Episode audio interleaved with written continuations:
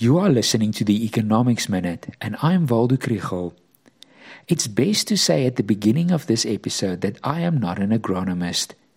I do follow the news that the Minister of Agriculture announced yesterday that due to foot and mouth disease, a ban on the movement of cattle will be introduced for 21 days.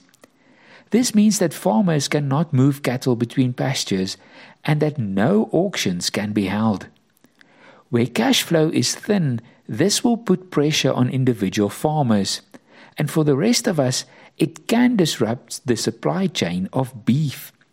It certainly has economic consequences, but can economics shed light on the matter in other ways?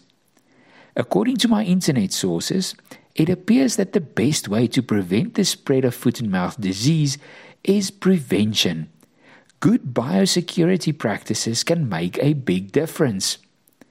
This sounds to me like a problem with the characteristics of the prisoner's dilemma in what economists call game theory.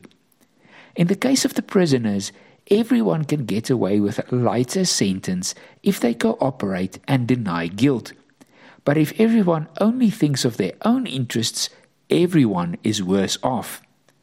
In the foot and mouth disease case, everyone is better off if there's cooperation in keeping everything disinfected and to inspect animals regularly. When some act opportunistically or negligently, this spreads the disease.